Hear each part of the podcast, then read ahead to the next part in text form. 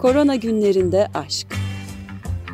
21. yüzyılda pandemi, hayat ve temas tahayyülleri.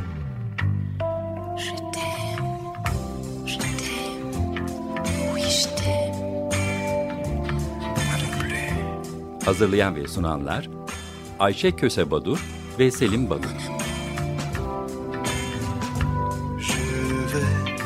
Je vais, et je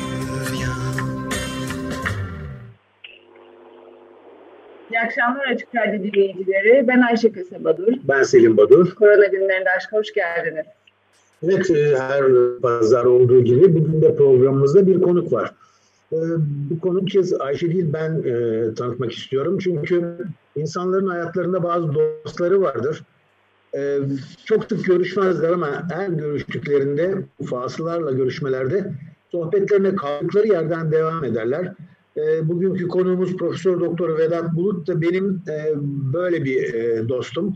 Kendisiyle konuşmaktan hani, çok keyif aldığım, e, engin bilgisinden de her zaman yararlandığım bir immünolog, bir bağışıklık bilimi hocası. Ama Vedat'ı e, Alo.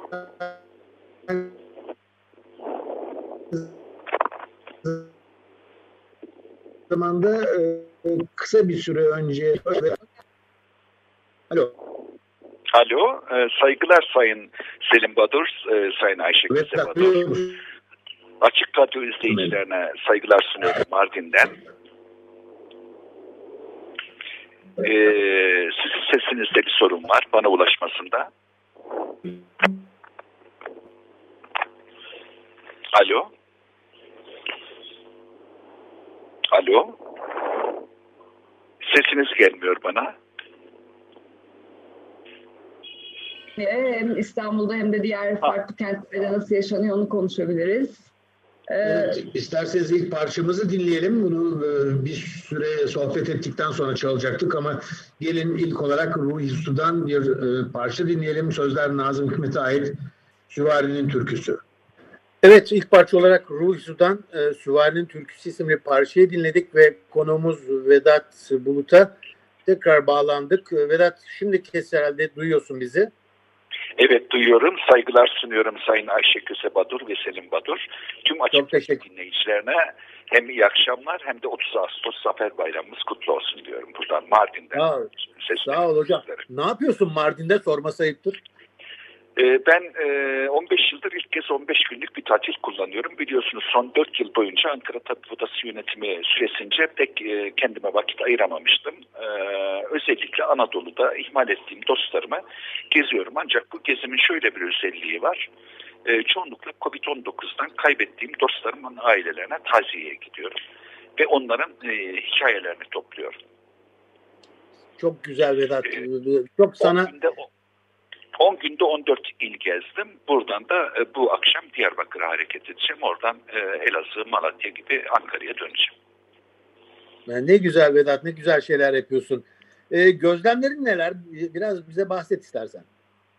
Tabii e, şöyle ki e, bir kere tüm vatandaşlarımız e, normalde Sağlık Bakanlığı tarafından verilen resmi rakamların tutarlı olmadığını kendi özel koşullarından, yaşamlarından ve çevrelerindeki durumdan biliyorlar.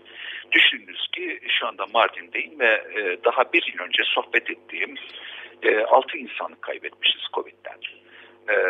bu sadece benim çevreme ait bir random bir kesit çalışması yapılsa bile Türkiye'de e, her ilde bu şekilde olaylar var.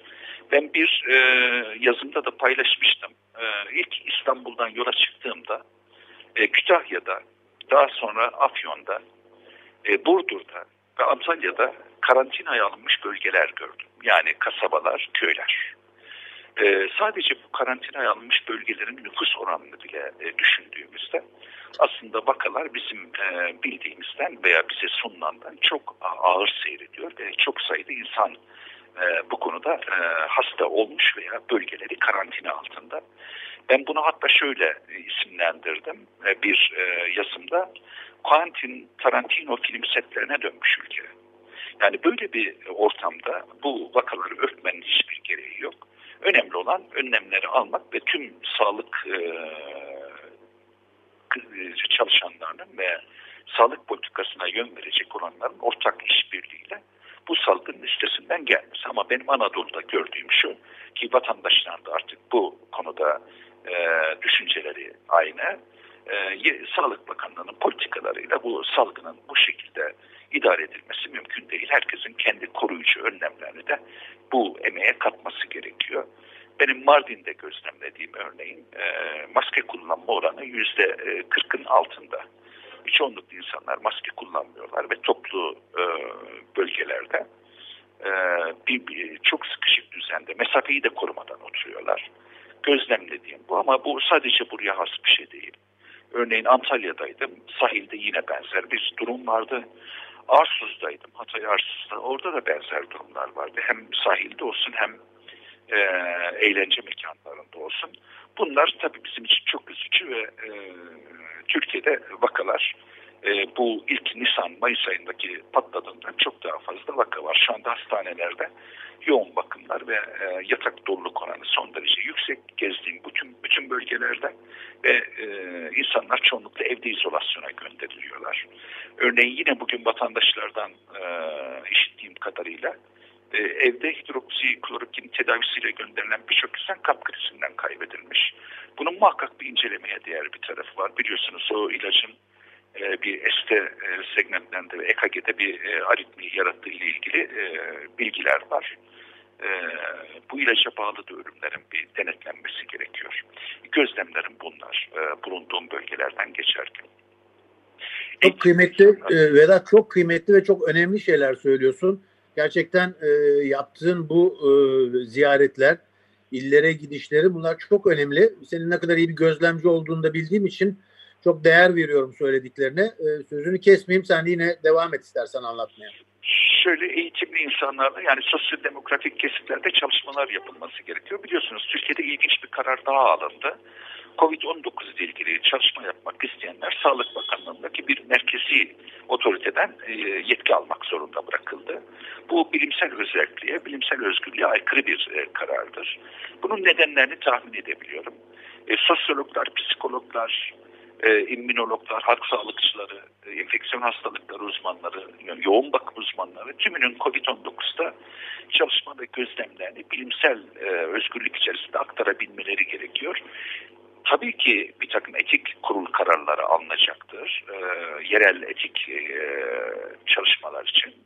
Ama e, Sağlık Bakanlığı'nda tek bir merkezden COVID-19'a bilimsel araştırma yapılma izninin verilmesi e, son derece yanlış. Bunun e, tahmin edebiliyorum. Gerçek rakamların ortaya çıkması istenmiyor.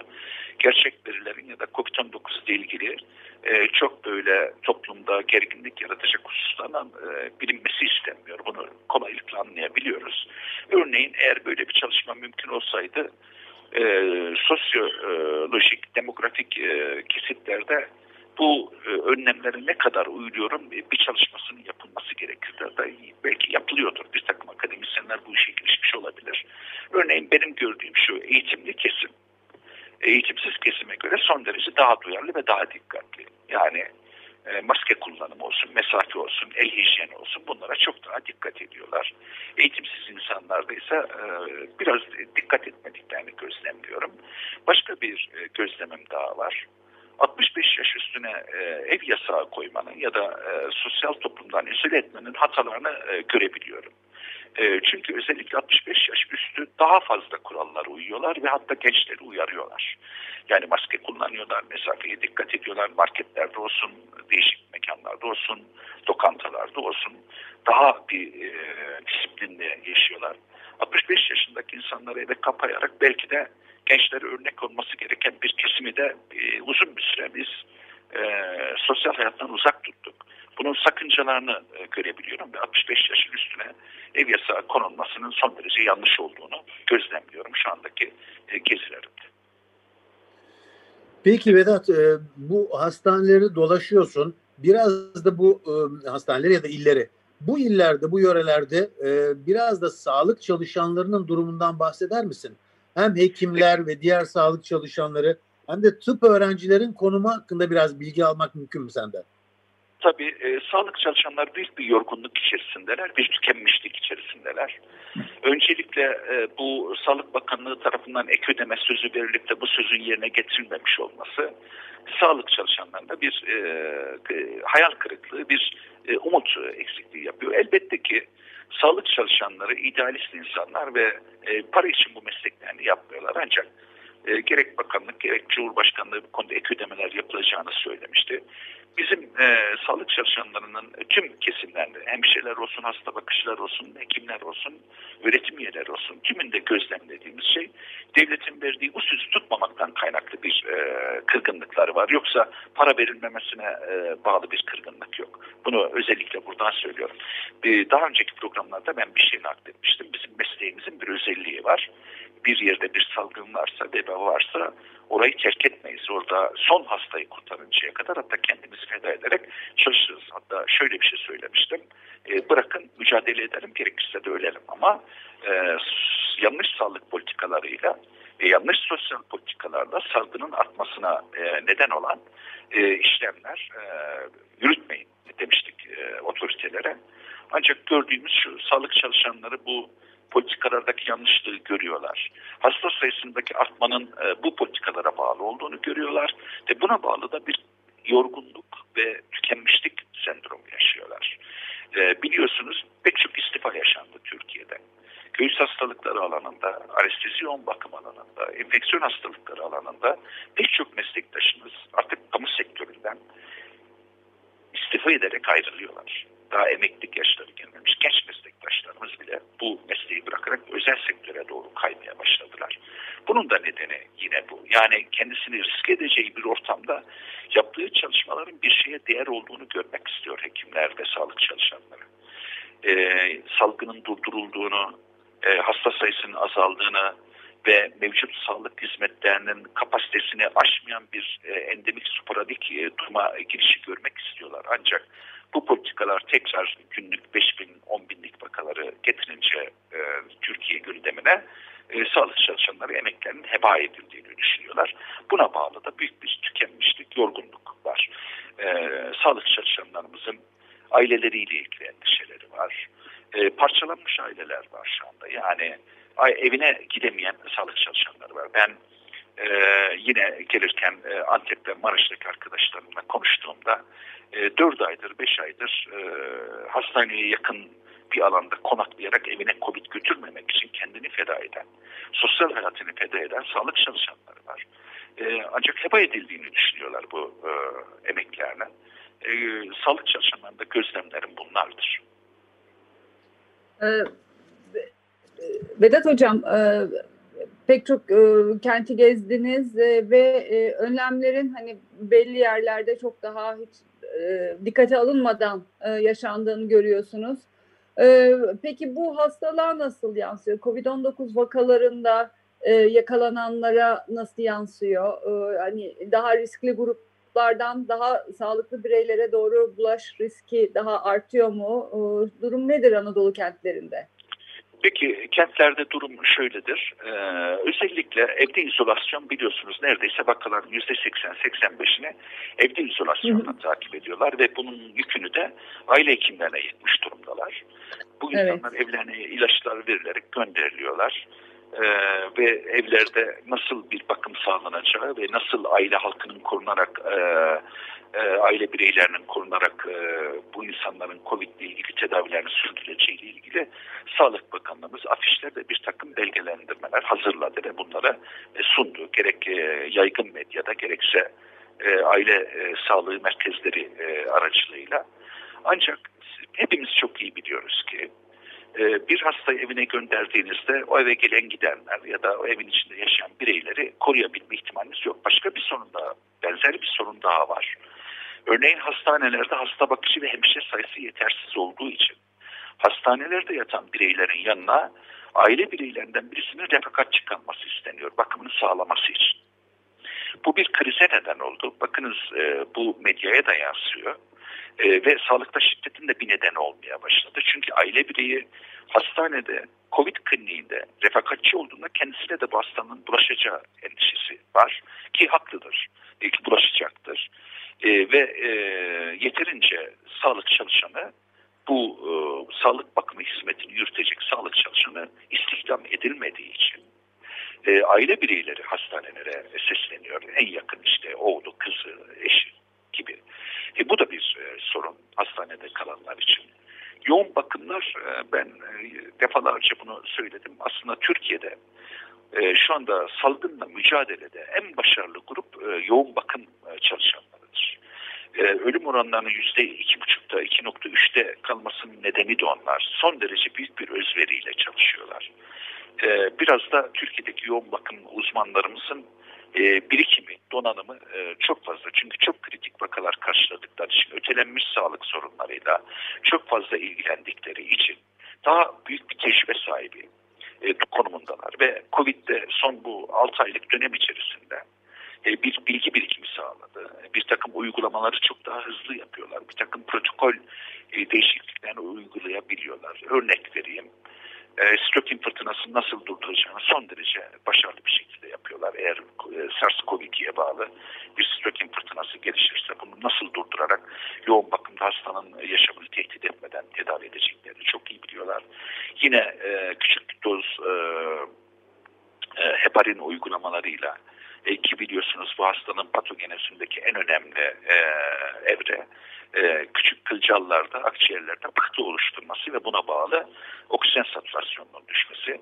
Bunu engellemeyi mesela dünyada protokol olarak Çin'den gelen protokollerin ve deseninin ötesinde ilk uygulayanlar bizim Türkiye'deki anestezi yoğun bakım ve diğer yoğun bakım uzmanlardır. Onları tebrik ediyorum buradan. Gönülden e, minnettarlığımızı sunuyoruz vatandaşlar olarak. E, evlerinde izolasyonla gönderilen kişilerin e, bu izolasyon kurallarına çok uymadıklarını gözlemliyorum. Bir örnek vereyim size bu e, izolasyon çalışmaları ile ilgili. Ben e, Burdur Kemer'e gittiğimde Kemer'de aşağı mahalle denilen bölgede karantina vardı. Ancak bu gibi küçük kasabaların bir özelliği vardır. Bahsettiğim bir Antalya Kemer değil, Burdur Kemer. Ee, insanlar birbiriyle akrabadırlar. Yani o kasaba içerisinde hep iş evlilikler olduğu için birbirlerini tanırlar. Aşağı mahallede karantina yaptığınızda aşağıdaki mahalleler daha özgür olabilmek için yukarı mahalleye taşınmışlar. Yani sonuçta hastalık oradan oraya taşınıyor. E, bunlar yanlış uygulamalar. E, Kozluca köyünü tamamen e, karantinaya almışlardı. Bunu görüyorum. E, ben hatta şunu öneriyorum tüm e, sağlık e, otoritelerine ve e, sağlık meslek örgütlerine artık hasta insan sayısını toplamanın büyük bir manası kalmadı. Yani Türkiye'de e, Sağlık Bakanlığı rakamları dışında kaç kişi PCR pozitiftir, PCR negatiftir, sağlık çalışanlarının kaç enfekte oldu, kaç öldü bu gibi rakamları toplamaktan ziyade sadece ve sadece karantinaya alınmış köyler ve ilçelerin sayısını toplasalar bile e, durumun dramatikliği anlaşılır. Yani büyük bir dram var Türkiye'de. E, Bunları söyleyebilirim vatandaşlarımızın tedavi süreciyle ilgili. Evet Sayın Batur. Vedat Hocam o kadar çarpıcı ve o kadar e, gerçekçi e, bilgiler veriyorsunuz ki e, soracağım soruları unuttum. Yani nutkum tutuldu diyebilirim. Gerçekten bu söylediklerinizi, bu objektif gözlemlerinizi biz herhangi bir basın yayın organında görmüyoruz. Ee, ve e, insanlar e, özellikle büyük kentlerde örneğin İstanbul'dan örnek verirsem bu bilgileri belki de görmedikleri, almadıkları için işin biraz rehavetine düşmüş durumdalar. E, gerçekten belirttiğiniz gibi maske kullanım, sosyal mesafe, e, hani biraz dikkatli olma gibi konularda duyarlılık tamamen neredeyse kalkmış şekilde. Peki bütün bu olup bitenler, bütün bu çizdiğiniz tablonun yanı sıra belki de bir süre sonra okulların açılması gündeme gelecek. Bu e, konuya nasıl bakıyorsunuz? E, bu konuda e, bizleri neler bekliyor sizce? Biraz onlardan bahsedelim mi? Elbette tabii ki. Şimdi e, çok e, iyi biliniyor ki rakamlar böyle 1500'ün üstündeyken resmi rakamlar ve bu rakam gerçekte de bunun en az 5 ile 10 katıyken e, eğitim kurumlarını e, açmanın bir manası yok. Çünkü bu bulaşı arttıracaktır. E, bizim Türkiye'de e, özellikle devlet okullarında çok iyi bilirsiniz ki e, sınıf kontenjanları 40 ile 60 arasındadır. E, butik okullarda ya da özel okullarda belki 12 kişilik 15 kişilik sınıflarda bir takım sosyal mesafe uygulamaları e, uygulanabilir. E, bu çocuklar biraz daha mesafeli tutulabilir. Maske kullanımı ile ilgili, el hijyeni ile ilgili e, denetimleri daha kolay yapılabilir ama diğer okullarda bunu yapabilmenin de ihtimali yok. Biz bunu artık alışmamız gerekiyor. Öyle anlaşılıyor ki tüm dünyada aslında bir infial var. Ve Türkiye'de de velilerin büyük bir endişesi var. E, bunu sık sık bize veliler dile getiriyor, soruyorlar. E, biz şunu önereceğiz. E, okuldan açılması ile ilgili artık çok fazla e, baskı yapmaya ya da e, politikaları gevşetmeye gerek yok. Bir, e, teknolojinin artık kullanılmasına alışmamız gerekiyor. Yani uzaktan eğitimin birçok konuda geçerli olduğu ve yarar da sağladığı görüldü. Bu dönemin bir e, şeyi bu oldu. Bizim için yararı bu oldu. İnsanlar home office çalışabileceğini öğrendi. Evden pek çok iş yapabileceğini öğrendi. Yine teletıp uygulamaları bugün tartışılıyor. Bir takım yazılımlarla ve bant genişliği sağlayarak e, fiber optik altyapılarda yaparak insanlara eve, ev, hastaneden eve ya da doktordan doğrudan bireye e, uzanan e, bir sağlık e, çalışması planlanıyor. Eğitimde de hani örgün eğitimden bahsedersek orta öğretim düzeyinde ya da ilk öğretim düzeyinde birçok şeyin uzaktan eğitimle yapılabilme ihtimali artık şu anda var. Şu yapılabilir. Tabii ki öğretim değil sadece orta öğretimdeki ya da ilk öğretimdeki uygulamalar aynı zamanda eğitim dediğimiz yani bir disiplin kazandırma, bir e, iç düzen sağlama, e, bir idol e, vererek çocuğa bir örnek kişilikler sergileyerek öğretmenlerin onların yaşamlarında prensip sahibi olmasını e, sağlayan bir takım eğitim uygulamalarda olacak. Bunun için şu yapılabilir, hibrit eğitim. Zaten şu anda şu konuşuluyor. Bu konuyla ilgili de pedagojiyle, bu alanın uzmanlarıyla bir program yapılırsa hibrit eğitime yönelilebilir. Nedir o? Öğrencilerin bir kısmı seyrek olarak e, derse alındıklarında öğretim kurumlarında bir diğer grubu e, internet üzerinden ya da e, televizyon üzerinden e, bilgilendirme, öğretim faaliyetlerini yürütürler. Dönüşümlü olarak onlar geri dönüp e, eğitim faaliyetlerine e, devam ettiklerinde de e, diğerlerine e, öğretim e, sunulabilir. Böylece seyrekleştirme sağlanabilir. Bunu tıp fakültelerinde de şu anda tartışılıyor. Bizim tıp eğitimi açısından da çok önemli. Sonuçta uygulamalı bir eğitim ve bu uygulamalı eğitimde sadece tıp bir bilgi vermek e, yetmiyor. Aynı zamanda laboratuvarda ve hasta başında uygulamalar yapması gerekiyor öğrencilere.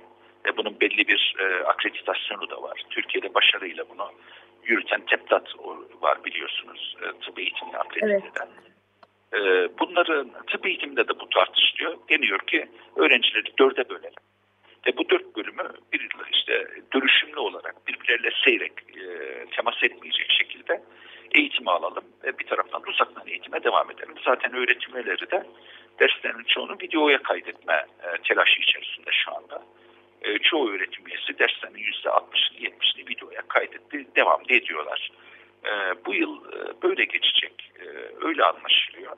Eğitim döneminin bir kısmını yine sıkı önlemlerle ve uzaktan eğitimle, dijital teknolojileri kullanarak, belki bu teknolojilerde inovasyonlar bir ilerleme de kaydederek. Çünkü kaos oldukça, bu tip sorunlar oldukça yeni e, inovasyonlar, teknoloji geliştirmeler, e, icatlar da gelecektir insanlık yaşamına.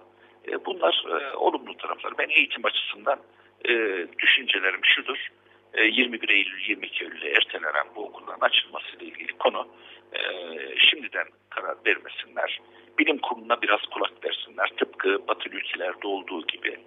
E, bilim kurulunun söylediği e, veya önerdiği konuların üzerinde e, bir takım endişelerle işte ekonomik durumla, sosyolojik durumlarla ilgili kararlar artık e, hükümetin vermemesi gerekiyor. Bilim kurulu bence önerecektir e, okulların açılmamasını ve e, politikalar açısından da e, hükümetin bunu uymasını e, bekliyoruz. Tıpkı batılı ülkelerde olduğu gibi. Evet. Ee, üniversitelerde e, yani ben sosyal bilim alanında konuşabilirim. E, siz tıptan örnek verdiniz. Biraz bir e, melez bir e, e, öğretim anlayışını benimseme e, taraftarı görünüyorlar. Örneğin 25 kişi altındaki bir sınıfta e, yüz yüze eğitim yapılabilir. E, ama e, kalabalık sınıflarda hayır. Ancak mesela Amerika'daki bu uygulamalarda bunu Amerika'da da e, yapıyorlar. E, Türkiye'de de bu hibrit e, şeyler e, e, öğretim e, gündeme geldi. Öğrencilerin hepsi e, o az sayıdaki derslere müracaat ediyor. Yani hiçbiri kalabalık sınıflarda online eğitim istemiyor. Yani e, bir taraftan da işte bu, bu sağlık riskine rağmen e, tabii özellikle de genç insanlar yüz yüze eğitime tercih ediyorlar. Hani maskemizi takalım, sosyal mesafemizi koruyalım e, ve en azından üniversite seviyesinde bu eğitime devam edelim gibi bir temayül var. Siz ne diyorsunuz? Doğru şimdi e, bakın e, uzun sürdüğünde bu gibi e, sıkı önlemler e, bir takım e, sosyopsikolojik sonuçlar da yaratacaktır. Yani insanların davranış biçimlerinde değişimler e, ve e, temassızlığa bağlı olarak zaten dünyada bireyselleşme, individualizm bir tehlike haline gelmişti bu Android ve e, ekran tutkunluğuyla birlikte. E, şimdi bir, her şeyi o tarafa da aktardığımız durumda insan insana teması azalttığımızda bunun bir takım evet. sosyopsikolojik çıktıları olacak elbette. Hatta e, bugün bahsediliyordu. Ben bununla ilgili yayını görmedim. Dünya nüfusunun şu anda %15 ile 20 arasında dep antidepresan kullanmaya söyleniyor. E, bu e, şeyden dolayı, sık önlemlerden dolayı olabilir. Ben e, henüz daha nesnel verileri inceleme imkanım olmadı. Bir değerli bir akademisyen dostum bahsetti. Antidepresan kullanımının arttığı. Çünkü insanlar sonuçta sosyal bir varlıklar, sosyal varlık ve temas etmek, konuşmak, derdini anlatmak, başkasının derdini dinlemek, paylaşmak, sevincin, üzüntüsünü paylaşmak gibi yapı, yapısı var e, biz bunu tamamen e, bir dijital dünyaya aktardığımızda e, sosyopsikolojik çıktılarında e, neler olabileceğini e, öngörecek çalışmalar gerekiyor. Bu da bir akademinin görevi. Mesela sosyoloji bölümlerinin e, önemli üzerinde durması gereken, çalışması gereken yine psikolojik e, psikoloji bölümlerinin çalışması gereken kısımlar. Haklısınız. Bu büyük bir sorun. Peki Vedat Hocam programımızın e, ilk bölümünü istersen bir müzik arasıyla e, bölelim. E, ve bir parça çalacağız. Sana John Baez'den e, Sacco ve Vanzetti'nin öyküsü parça Here's to You geliyor. Çok teşekkür ederim. 94.9 Açık Radyo'da bir pazar akşam üzeri Korona günlerinde aşk programındayız ve e, pandemi döneminde insan tahayyüllerinden bahsediyoruz. Konuğumuz Profesör Doktor Vedat Bulut, e, Anadolu'nun çeşitli kentlerini ziyaret edip çok doğru, çok çarpıcı gözlemlerini bizden paylaşıyor. Sağ olsun Vedat kardeşim. Ee, Vedat Hocam size e, e, böylesi bir pandemi karşısında bilim dünyasının ver, verdiği sınavı sormak istiyorum. Küresel olarak bütün dünyada ilaçtan aşıya e, bilim dünyası pandemiyle nasıl karşılaştı, nasıl karşıladı onu daha doğrusu ve nasıl bir sınav verdi? Peki, e, onu da hemen e, gözlemlerimi ve bildiklerimi aktarayım. E, şimdi öncelikle aşılarla ilgili bir takım etik kararlarda, etik kurul kararlarında e, FDA'nin, CDC'nin, Dünya Sağlık Örgütü'nün uygulamaları e, var ve bildiğiniz gibi bir aşı açıklaması bir ülke e, başkanı tarafından yapıldı e, ve altı konsorsiyum veya şirket tarafından da aşı çalışmaları faz 2, faz 3 safhalarıyla devam ediyor. Bilim dünyası elbette ki tüm insanlık aşı bekliyor şu anda. Yani bir aşı olursa bu ekonomik resesyona, ekonomik gerilemeye de yol açan e, kimi ülkelerde yüzde otuz beş, kimi ülkelerde yüzde beş gibi ekonomik gerileme yaratacak. Daha sonra işsizlik, gıda güvenliği, su güvenliği gibi pek çok konuyu da tehdit edecek. Bu salgınla mücadelede herkes aşıyı bekliyor. Ancak e, bildiğiniz gibi e, e, dünya e, sağlık otoriteleri tarafından da e, sıkı e, kurallar gereğince e, aşıların erken piyasaya çıkması e, mümkün değil e, bir takım insan deneylerinin ve komplikasyonların e, izlenmesi gerekiyor. E, bununla ilgili kötü tecrübeler olduğu için tabii dünyada geçmiş örneğin dengue virüsle ilgili aşı çalışmalarında bir takım nörolojik sekeller gelişti. E, ben e, SARS-CoV-2 için bunu beklemiyorum. Yani e, evet. bildiğim için e, protein e, profillerini ve subunit e, olarak kullanılacak epitop e, kısımları açısından e, yapay zeka son derece ilerledi ve e, cross reaksiyon, çapraz reaksiyon dediğimiz yani insan vücudunda benzer protein yapılarının e, zarar görebileceği ve buna bağlı komplikasyonlar gelişebileceği ile ilgili kısımlar artık yapay zeka çağında mümkün değil. E, çünkü e, virüsün genomu biliniyor, virüsün e, tutunma, e, hücre içerisine girme, ve hücre içerisinde patojenezi ilerletme ile ilgili yapıları biliniyor. Bu yapılara karşı e, gerek BISE, B hücre epitopları, gerek T hücre epitoplarının neler olabileceği, e, hatta e, hücre içerisindeki işlenme süreci içerisinde hangi aşamalarla hangi epitopların hangi HeLa allelleri tarafından sunulacağı bile yapay zeka tarafından e, saatler içerisinde çıkarılıyor. Artık böyle eskisi gibi aylarca, yıllarca süren çalışmalar gerekmiyor. Bu nedenle ben e, çok büyük komplikasyonlar beklemiyorum SARS-CoV-2 ile ilgili. Biraz daha e, DSÖ'nün, FDA'nin bir takım etik kuralları bu dönem için e, bunu genel olarak söylemiyorum. Elbette ki bir takım etik kurallar işletilecektir gelecek bilimsel çalışmalar için. Ama biraz hızlı karar almaları lazım. Ben dünyada e, sağlık sektöründe egemen olan e, lobilerin e, aşı çalışmaları geciktirdiği düşüncesindeyim. Yani örneğin e, bir ülkenin yaptığı 5000 vakalık çalışmayı hemen e, küçümseme e, davranışı yanlıştır.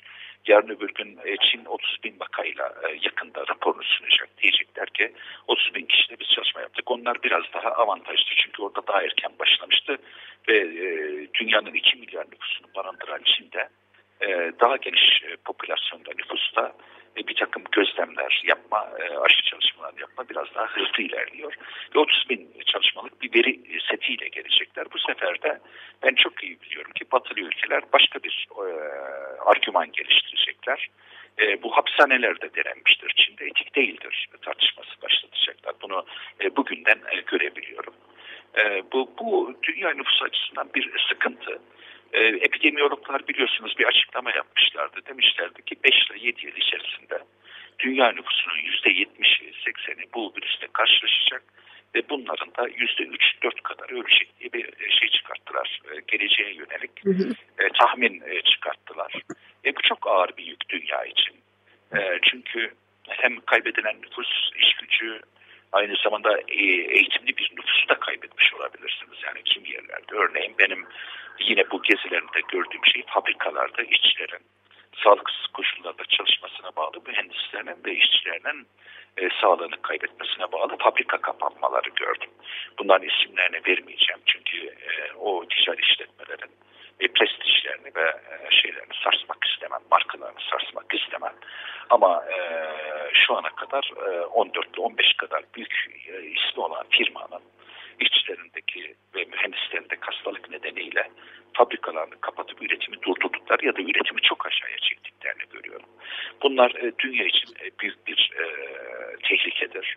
E, aşı çalışmalarıyla ilgili FDA'nin ve DSEO'nun e, bir, bir takım e, daha etik kuralları gevşeten, daha bir e, komplikasyonların tümünün görülmesini beklemeden aşı adaylarının e, toplumda e, yoğun bir popülasyonda en azından denenmesi ve uygulanması ile ilgili kararları yakında uygulayacağını düşünüyorum. Dünyada e, çünkü ekonomi bunu kaldırmaz. E, daha uzun sürerse yani e, çünkü e, Kasım, Aralık ya da Ocak ya da Şubat'a bu sarkarsa e, önümüzde gelen kış sezonun etkisiyle dünya sanayinin en önemli kısmını yaşayan e, kuzey hemisferde hastalığın tekrar bu dönemde daha bir e, pik yapacaktı. ikinci dalga denilen dalganın geleceği varsayılırsa e, bunu dünyanın kaldırabilme ihtimali yok. E, aşı çalışmalarında e, bilim insanları büyük bir e, özveriyle çalışıyorlar. Yani e, o altı bahsettiğim aşı adayını üreten grupların isimlerini yine vermeyeceğim etik açıdan. Ama son derece başarılı çalışmalar yürüttüler.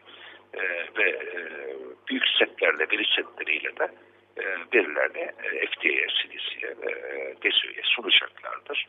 E, dünya bütün, dünya bunun beklentisi içinde. Bakın e, dünyadaki protestoları izliyorsunuzdur. Almanya, Fransa, Amerika ve İngiltere'de artık e, halk bu e, önlemler ve e, sağlık politikalarındaki yanlışlığı e, maske kullanmadan toplu alanlarda birbirlerine sarılarak protesto ediyorlar. Hani şimdi aslında bugünkü programımızın ana temalarından biri insanlar temas ihtiyacı içerisinde ve insanlar bıkmış durumdalar. Biraz önceki bahsettiğim sosyopsikolojik çıktıları içerisinde bunu e, alabilirsiniz. E, düşünüyor musunuz? Yüz, on binlerce, yüz binlerce insan protesto ediyor. E, Almanya'da, İngiltere'de, Fransa'da ve Amerika'da e, sık ölmemi istemiyorlar. Artık e, rahat olmak istiyorlar. E, böyle bir durumda e, aşı çalışmalarının biraz önünü açmak ve e, bu konuda ben yeterince de fon sağlandığını düşünüyorum dünyada. E, zaten Dünya Sağlık Örgütü ilk alarmını verdiği günde bir fon duyurusu yaptı. O fona aktarılan paraları da araştırma yapan gruplara e, yüksek miktarda aktarıyor. E, ben aşı çalışmalarını yürütenlerin görevlerini yeterince yaptığını düşünüyorum. Ancak e, bu aşının gecikmesini sağlamaya çalışan lobide muhtemelen yoğun bakım, diğer e, giderler, e, sağlık ilaçlarının biraz daha fazla satılması için bir e, karşı lobi yürütüyorlar. Bunu da görebiliyorum buradan. Ben geçmişten beri söylerim aşı ve ilaç karşılıklı lobi makas olarak çalışır. Buna karşı e, şunu söyleyenler oluyor ama aynı firmalar hem bir taraftan ilaç üretiyor bir taraftan aşı ama bir şeyi bilmiyorlar. Dünyada bu e, ya farklı yani aynı şirkete bağlı aşı gruplarının ya da ilaç gruplarının CEO'ları farklı olduğu gibi hisse senedi diğerleri de farklı ve tamamen farklı bağımsız bir şekilde yürütülürler. Yani e, bunu kapitalizm şöyle niteliyor e, yumurtalarını tek sepette toplamama, e, dağıtma. E, sanayi de böyle çalışıyor.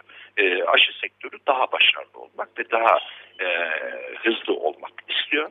E, aşıdan e, gelecek gelir de sonuçta e, bir takım e, yatırımcılar tarafından kazanılacaktır. Ama e, biz çok iyi biliyoruz ki aşıya 1 lira yatırdığınızda bugün e, diğer taraftan 100 lira, 1000 lira gibi e, sağlık masraflarından kurtulmuş oluyorsunuz. E, dünyada e, bu lobiler aşılabilirse ve FDA ve CDC de e, biraz daha hızlı karar mercileri çalıştırırsa DSÖ yine Dünya Sağlık Örgütü e, insanların kurtuluşu için e, bir adım atılabilir. Evet. Biraz evvel e, hani sosyal psikolojik e, konulardan da bahsettik. Şimdi siz yine değindiniz ve bu bireyselleşmeden bahsettik de kutuplaşma özellikle e, tüm dünyada farklı boyutlarda farklı konular için çok yoğun yaşanıyordu. E, ve şimdi bunu görüyoruz aslında e, özellikle Batı ülkelerinde sokağa çıkan e, ve temas daha fazla temas isteyen kitlelerin yani bazen bilim karşıtlığı, aşı karşıtlığı gibi özellikleri var. E, ve bu da beraberinde X ülkenin yaptığı aşı o tamam makbul ama Y ülkenin yaptığı aşıdan şüphe ediyorum gibi e, sonuçları doğuracak o temele sahip. Çünkü insanlar inançlar, düşünceler, ideolojiler inanılmaz kutuplaşmış durumdalar. Ve e, beni yani hayret ettiren bir nokta da sağlık gibi, pandemi gibi evrensel olan bir duruma aslında geri dönemiyoruz. Yani bizler bu yer kürede yaşayan bu gök kubbenin altındaki insanlarız. Ve bir türlü ortaklaşamıyoruz ve bütün bu kutuplaşmalar sosyal olan şeyler aslında e, bilimin de e, bilim bilim dünyasında da belki çatlaklara bir şekilde e, sebep oluyor e, diye düşünüyorum. Ya da bilim yolunda gidiyor ama uygulanması konusunda sonuçta yönetimi konusunda sorunlara sebep oluyor. E, bunun nedeni de çok açık Sayın Badur e, biliyorsunuz politikalar hep e, bir bilimin önünde, demokrasinin önünde davranmaya çalışıyor. Yani demokrasiyi kısıtlayıcı önlemlerle aslında bilimi kısıtlayıcı önlemler birbirlerine paralellik arz ediyor tüm dünyada. E, demokrasi olmayan yerde bilim olmaz, bilimin olmadığı yerde demokrasi olmaz. Bilime artık saygı göstermesi gerekiyor tüm dünya tarafından. E, Türkiye'de çok iyi hatırlarsınız bundan daha 8 ee, ay önce e, bir kitabın satışı ile ilgili çok ünlü bir yazarımız aşı karşıtı çalışması ile ilgili o kitabını e, kanal kanal gezerek e, bir takım komplo teorileriyle anlatıyordu. Herhalde en çok zararı da bu koronavirüs döneminde o gördü. Çünkü kitabın satışı anında durdu. Çok yanlış bir zamanda bu pandemi geldi. İnsanlar aşıya bir güven, bilim dünyasına bir güven geliştirdiler ve bu tip komplo teorilerini artık dinlememeye başladılar. Benim bu konudaki düşüncelerim genel olarak şöyle. E, medyanın çok dikkatli olması gerekiyor. Yani bilgi kirliliğinin sağ, sağlıklı okur yazarlık önemli bir çalışma. Bunu hem tıp fakültelerinden hem diğer sağlık e, eğitimi veren e, birimlerin çok dikkatli olması ve sağlıklı okur yazarlığı anlatabilmek açısından e, basın yayın organlarına ulaşması ve gerçeği e, halkın anlayacağı bir dille aktarması çok önemli. Medyada bilgi kirliliği e, bu işin temeli. E, ben e, protesto gösterilerde sadece aşı karşıtları olduğunu görmüyorum. E, bunun dışında sıkı önlemlere bağlı sosyal izolasyon ya da sosyal kısıtlılıkların insan özgürlüğünü kısıtlayıcı olduğuna dair e, görüşler var. İşte bir takım anarşist görüşler, sosyalist görüşler şunu savunuyorlar. Totaliter rejimler veya e, merkeziyetçi e, yönetim yaklaşımları Covid'i kullanarak iktidar alanını genişletiyor ve bizi e, zapturapt altında tutarak e, sosyal yaşamımızı biçimlendiriyor endişesi var. Çoğu entelektüelde de bu var. Yani dünya şu anda e, şeye dikkat ederseniz e, yazar çizerlere ve Batı'nın böyle entelektüel gazetelerine e, şunu savunuyorlar. Bu e, iktidarlar bu sadece bizim Türkiye için değil Fransa, Amerika gibi ülkeler için de geçerli. Ee, rejimlerini, iktidar alanlarını genişletmek için Covid-19'u kullanıyorlar. Ve daha fazla bir e, toplumu baskılayıcı. Şimdi hatırlarsanız e, Fransa'da bir sarı yelek e, eylem tarzı vardı. Geçtiğimiz yıla damgasını vurmuştu. Şimdi Covid nedeniyle örneğin artık bu tip protesto gösterilerini yapabilme ihtimali biraz daha düşük. Ama bu sefer insanlar şunu e, protesto etmeye başladılar. Bu bizim özgürlük alanımızı artık kısıtlıyor. Özgürlük alanımızı koruyarak bizlere sağlık hizmetini vermek ve bu hastalıktan bizi korumaya yönelik bilim politikalarını geliştirmek devletlerin e, elindedir. Ve biz özgürlüğümüzü istiyoruz diye protesto ediyorlar. Ben sadece aşı karşıtlarını orada görmüyorum. Pek çok entelektüel grup ya da anarşist, komünist, sosyalist gruplar da bu eylemlere katılıyorlar. Gözlemem dünyada budur. Kesinlikle evet. haklısınız. Çok e, e, yani o kutuplaşma e, ya da farklı bakış açıları her eğitim düzeyi ve sosyoekonomik düzeyi farklı insanlarda mevcut. Bunu biz de gündelik yaşantımızda da gözlemliyoruz. Çok önemli bir noktaya değindiniz. Vedat bir şey soracağım. Son 9 dakikaya girdik. Bütün bu çizdiğin tablo çok gerçekçi, çok çarpıcı ve çok e, önemli e, konulara değindiğin e, konuşmandan sonra gel bu son 8 dakikayı biraz senin de çok iyi bildiğin Anadolu kültürü ve biraz müziğe e, dönelim. Çünkü sana e, birazdan bitiriş parçası olarak bir Neşet Ertaş parçası dinletmek istiyoruz.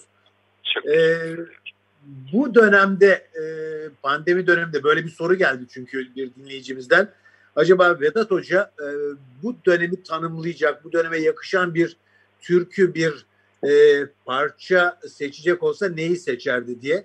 Biraz bundan biraz da Neşet Ertaş'ın öneminden bahseder misin? Seni çok sevdiğini biliyorum. Tabii tabii.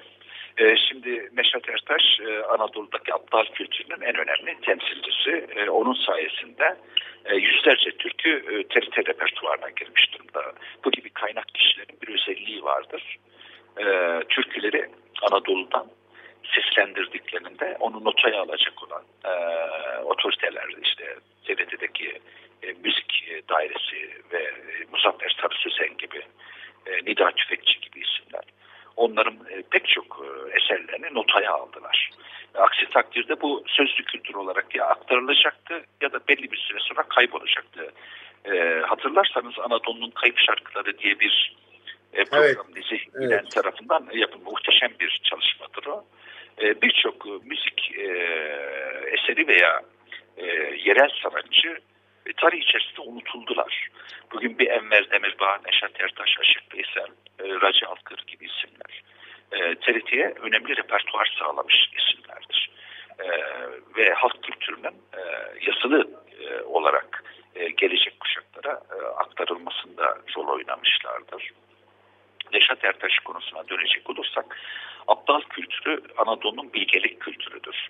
Ee, çok iyi bilirsiniz ki lakonizma, lakonist denilen bir tabir vardır. Yani halk bilgeleri eğitimsiz olmalarına rağmen sözleriyle, davranışlarıyla, topluma örnek olmalarıyla e, bilgelik örneği sergileyen insanlar vardır. Neşet Ertaş da bu kültürün bir ürünüdür. Lakonizma, lakonist kültürün bir ürünüdür. E, ve e, yaptığı e, çalışmalar ve türkülerde hepimize e, büyük bir heyecan, büyük bir zevk, keyif, müzik aşkı aşılamış insanlar. E, ben günümüzde hangi türkü uyar derseniz hastan önünde incir ağacı, doktor bana bulamadı ilacı türküsü tam günümüzü uyan, tam günümüzü uyan e, biraz da e, üzücü, üzündü. Biliyorsunuz o hikaye, onun hikayesini de anlatayım ben. E, anlat anlat evet. Vedat'cığım. varsa. Şimdi o Var, var, e, e, şeyde e, Heybeliada Senatoryumunda e, tüberkülozdan e, yatan e, ve hastanede yaşamını kaybedilmiş bir gencin adıdır.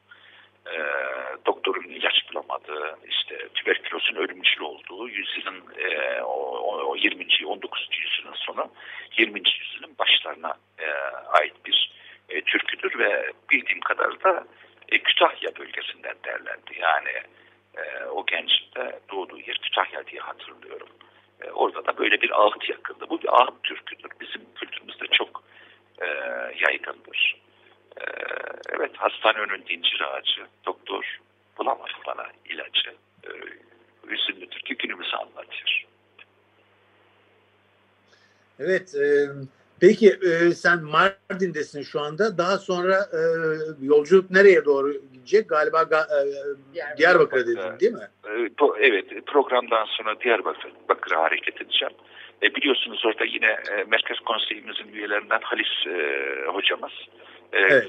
Covid-19'a yakalandı ve Evet biz yine, programda e, ağırladık onu önce sağlık programında kendisine ve ne yazık ki sevgili Ayşegül Tözören'den öğrendim ki e, Halit Hoca da e, Covid-19'a yakalanmış. Ee, yine dört arkadaşım da Covid şu anda. Tabii e, kendilerini ziyaret ederek şey yapmayacağım, ortamlarını rahatsız etmeyeceğim ama e, yakınlarına, ailelerine geçmiş olsun dileklerini ileteceğim. İki tane de vefat eden dostum var. Onların da ailelerine bir taziye vereceğim. E, bu gece muhtemelen Diyarbakır'da kalacağım. Yarın öğleden sonra da e, güzergahımı henüz çizemedim. Ya Elazığ, Malatya, Ankara yapacağım ya Bingöl'muş, e, Erzurum, Ankara yapacağım. Onu artık e, oradaki durum belirleyecek. Ciddi bir ana, adım adım Anadolu yapıyorsun yani. E, Elazığ'da senin epey çalıştığın yer değil mi Elazığ'daki üniversitede? Evet, Elazığ'da. Çok emeğin vardır senin oradaki bölümleri kurmada. Evet 12 yıl görev yaptım Elazığ'da. Benim sonuçta köklü dostluklarımın olduğu ve biliyorsunuz Harput Musikisi de yine ben aynı zamanda Harput Musiki Derneği'nin üyesiyim. Ee, Türkiye evet. yine çok önemli repertuar sağlamış bir kültürdür.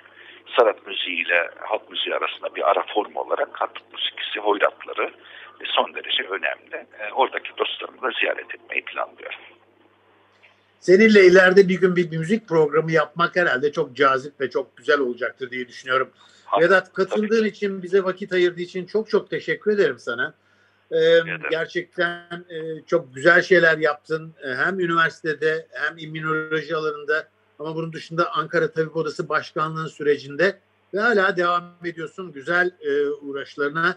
E, bu yaptığın seyahat e, umarım bir gün bunları kaleme alırsın e, ve e, sadece sözlü e, kültür olarak kalmaz bize yansıtırsın ve okuma olanağı tanırsın. Tekrar tekrar teşekkürler bu yoğun trafik arasında bize vakit ayırdığın için. E, veda ederken sana Neşet Ertaş'tan bir parça demiştim ama böyle hastalıklı olmasın, biraz hareketli, eğlenceli olsun, biraz daha canlı olsun diye Tane Tane Benleri Var isimli parçayı seçtik. Tekrar teşekkürler Vedat kardeşim. Ben de Vedat Hocam saygılarımı, saygılarımı sunuyorum. Sayın Ayşe Köse Badur ve Selim Badur. Teşekkürler çok, ediyorum. Saygılar çok sunuyorum. Çok teşekkürler. Çok teşekkürler Vedat. Sevgili Açık Radyo dinleyicileri bu haftada programımızın Korona Günlerinde Aşkın sonuna geldik. Haftaya görüşmek üzere. Bu arada 30 Ağustos Zafer Bayramımızı içtenlikle kutluyoruz. Hoşçakalın. Evet ve sizleri Neşet Ertaş'la bırak, e, baş başa bırakıyoruz. Tane tane e, benleri var. Hoşçakalın efendim. Korona günlerinde aşk. 21. yüzyılda pandemi, hayat ve temas tahayyülleri.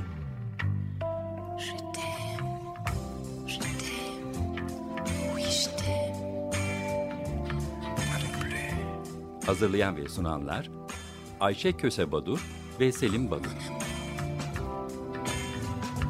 Je vais, je vais et je